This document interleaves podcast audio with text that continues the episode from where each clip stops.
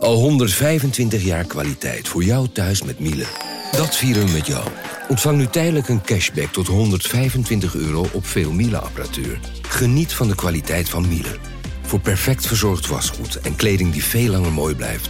Voor een stralend schone vaat, even perfect als jouw diners. En een stofvrij thuis waarin echt hygiënisch schoon de standaard is. Check miele.nl voor alle feestelijke aanbiedingen.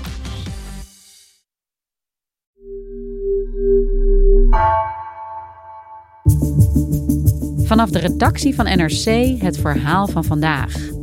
Mijn naam is Floor Boon.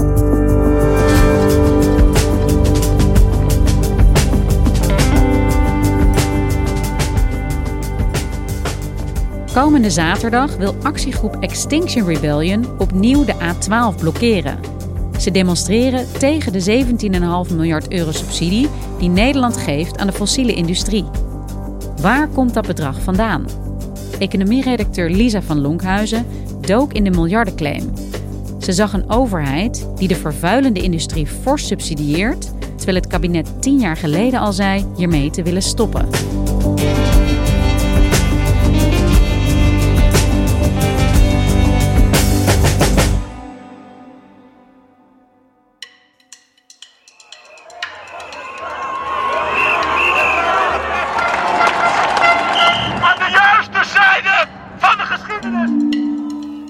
De A12, tussen het ministerie van Economische Zaken en de Tweede Kamer in, zit vol met mensen.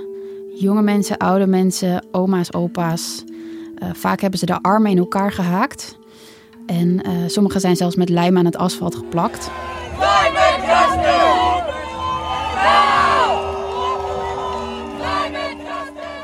En langs de kant staan nog eens honderden mensen ze aan te moedigen. Bijna 800 mensen worden gearresteerd.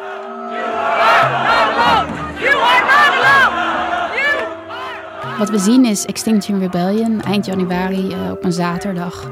Die bij een grootste actie tot nu toe in Nederland demonstreren tegen fossiele subsidies. Dat zie je ook staan op spandoeken. Stop fossiele subsidies. En het staat op de muur geschreven met krijt.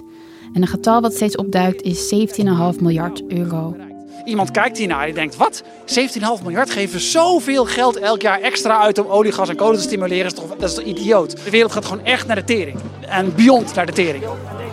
Zaterdag gaan ze opnieuw op de A12 zitten. Ze zeggen dat er meer mensen komen nog dit keer. En omdat dat getal steeds terugkomt, 17,5 miljard, heb ik besloten om met de collega Cato Brinkhoff in dat getal te duiken.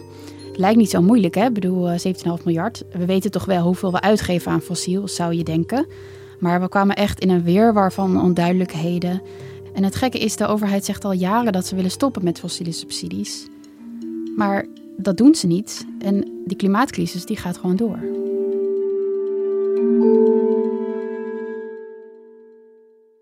Ja, ik heb dat bedrag, 17,5 miljard euro, ook uh, veelvuldig zien langskomen de afgelopen tijd. Uh, ook bij de protesten van Extinction Rebellion. Hoe ga je zoiets onderzoeken? Waar zijn jullie begonnen? Nou, eerst ben ik gewoon naar Extinction Rebellion zelf gegaan. Van hoe komen jullie bij dat bedrag van 17,5 miljard?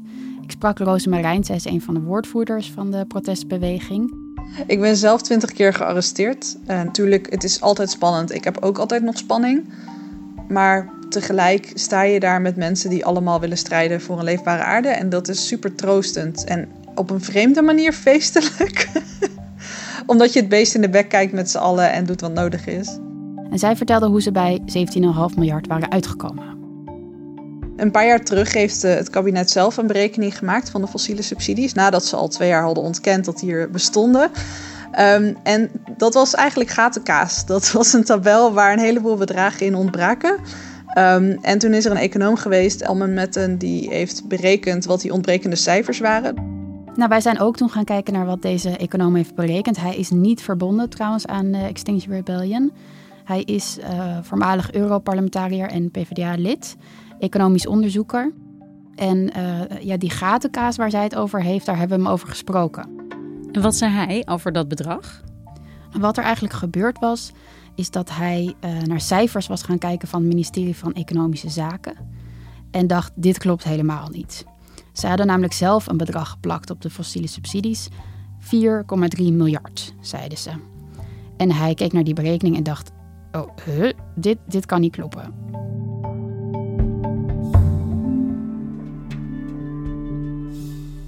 En wat klopte er niet aan het cijfer dat hij zag?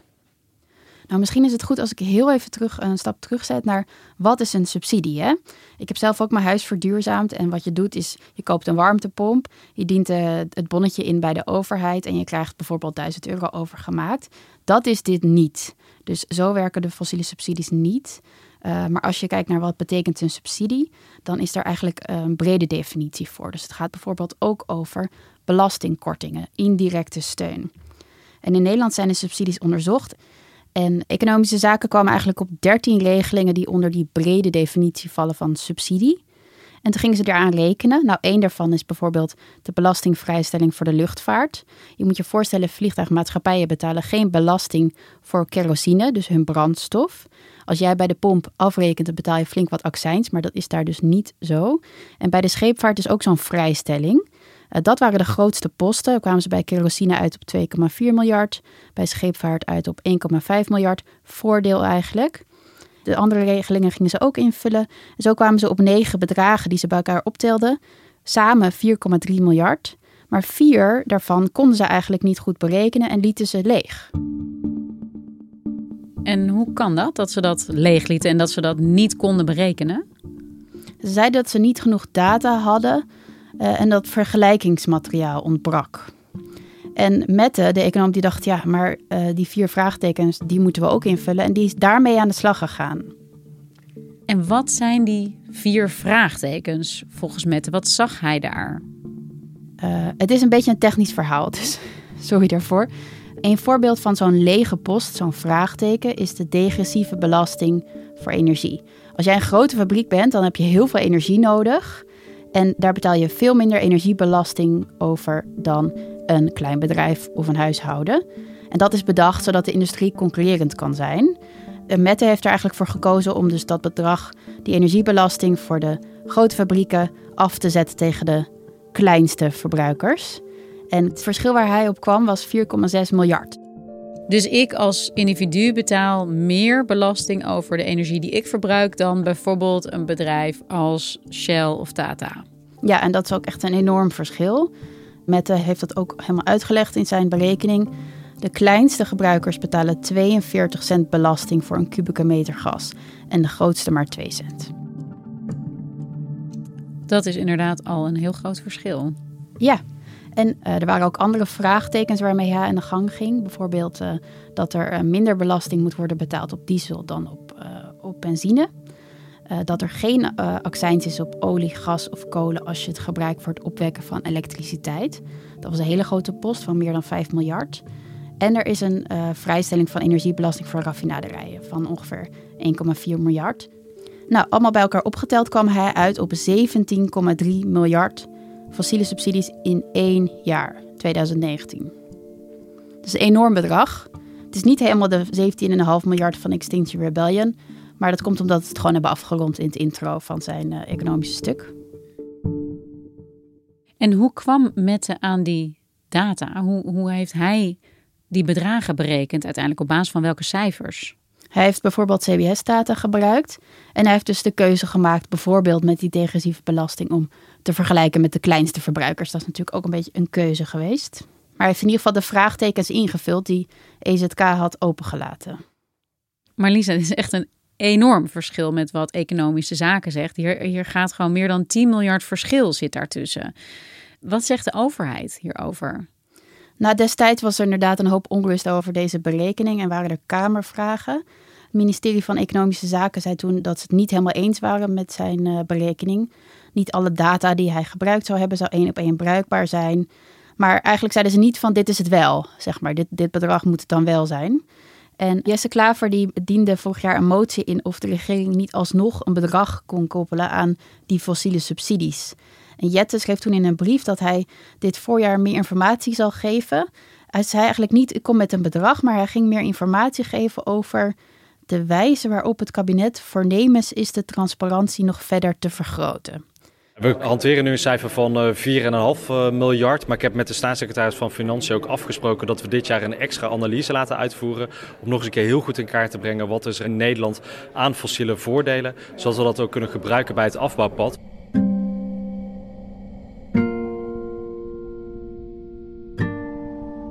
Ja, dat klinkt nog wel een beetje eh, vaag en weinig concreet vooral. Hoe zijn jullie uiteindelijk verder gegaan met dit onderzoek? En hoe kwamen jullie erachter ook of dit bedrag wat uh, Alman Mette dus heeft berekend klopt of niet? Ik heb ook andere economen gebeld uh, in de hoop dat zij meer duidelijkheid konden geven. Maar eigenlijk zeiden ze van het is niet duidelijk. Eén econoom heeft een soort tegenstuk geschreven, was niet helemaal eens met het meetellen van elektriciteit die met inzet van kolen en gas wordt geproduceerd. Want die wordt zelf ook nog belast. dat zou dubbel zijn. maar goed, dat, dat is niet een antwoord op de vraag hoeveel is het nou wel. En Milieudefensie is zelf ook gaan rekenen. Zij kwamen weer uit op 8,3 miljard. Minstens, zeiden ze. Want we hebben eh, een aantal dingen niet kunnen berekenen en dan plakken we er ook geen bedrag op. Dus het moest dan weer meer zijn dan 8 miljard, maar hoeveel is ook niet duidelijk. Dus eigenlijk is één ding duidelijk: het is niet duidelijk. Is er wel iets te zeggen met zekerheid over dit bedrag? Of is het gewoon echt alleen maar onduidelijk? Nou, dat getal van 17,5 miljard kunnen we dus eigenlijk ook niet met zekerheid zeggen. Het enige wat we weten is dat er miljarden aan subsidies naar de fossiele industrie gaan. Uh, en dat er al jaren over wordt gesproken door de verschillende kabinetten om hiermee te stoppen. There needs to be a bigger role for companies, consumers, cities and civil society organizations. Climate policy can only work if it penetrates to the deepest roots of our society and people's behavior. Oh, dus het kabinet spreekt er al jaren over om daarmee te stoppen. Hoe zit dat precies? Ja, het is eigenlijk heel bijzonder dat al heel lang zeggen verschillende kabinetten dat ze fossiel niet willen steunen. Al in 2009 namen de G20-landen zich voor hun belastingen beter af te stemmen op klimaatbeleid. We agreed to phase out subsidies for fossil fuels so that we can transition to a 21st century energy economy. A historic effort that would ultimately phase out nearly 300 billion dollars in global subsidies. En dat was een initiatief waar Balken en de Vier zich nog bij aansloot. And set our sights high. So in Copenhagen, the Netherlands will call for worldwide CO2 emissions to be halved by 2050 from 1990 levels. En in 2018 werden nog twee Kamermoties aangenomen om fiscale prikkels die klimaatdoelen tegen te werken af te bouwen. Maar er gebeurt gewoon heel weinig eigenlijk.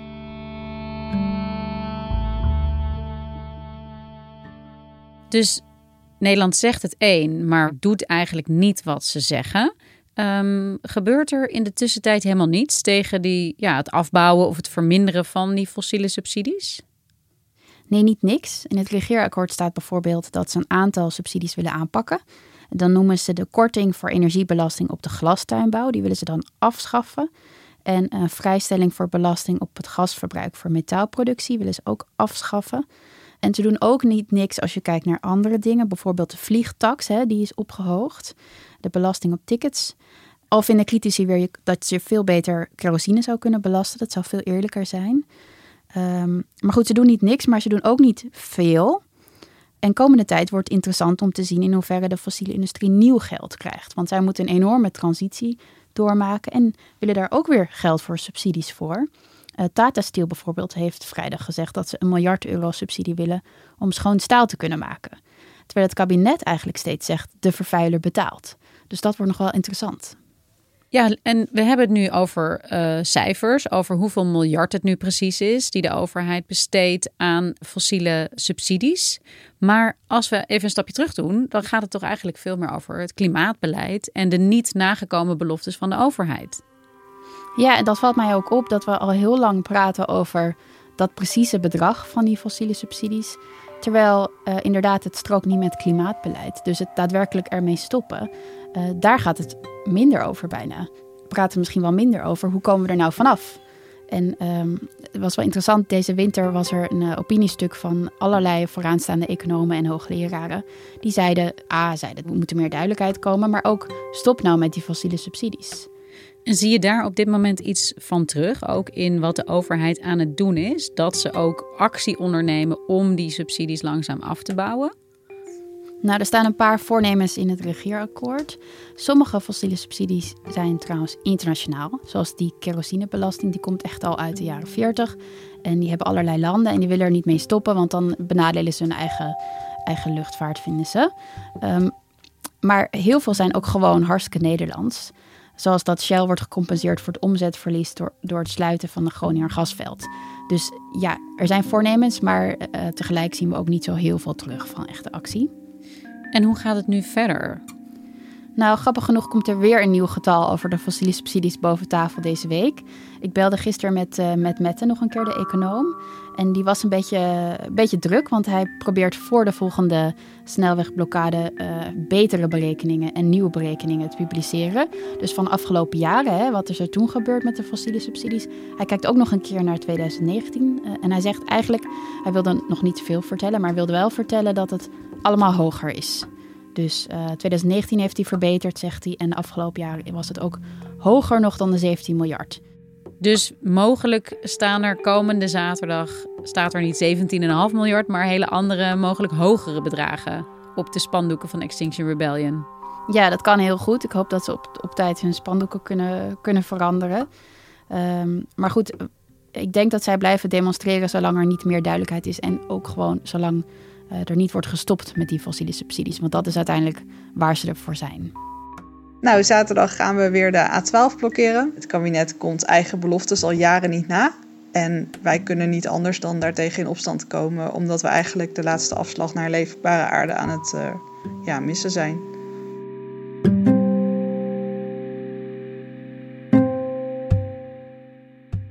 Dankjewel, Lisa. Graag gedaan.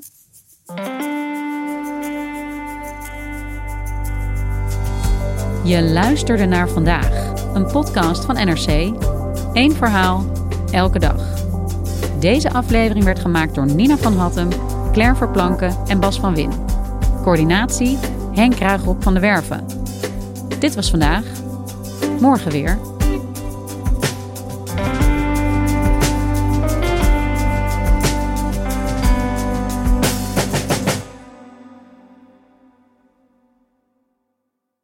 Technologie lijkt tegenwoordig het antwoord op iedere uitdaging. Bij PwC zien we dit anders. Als we de potentie van technologie willen benutten, kunnen we niet zonder een menselijk perspectief. Human-led, tech-powered noemen we dat. Ga naar pwc.nl.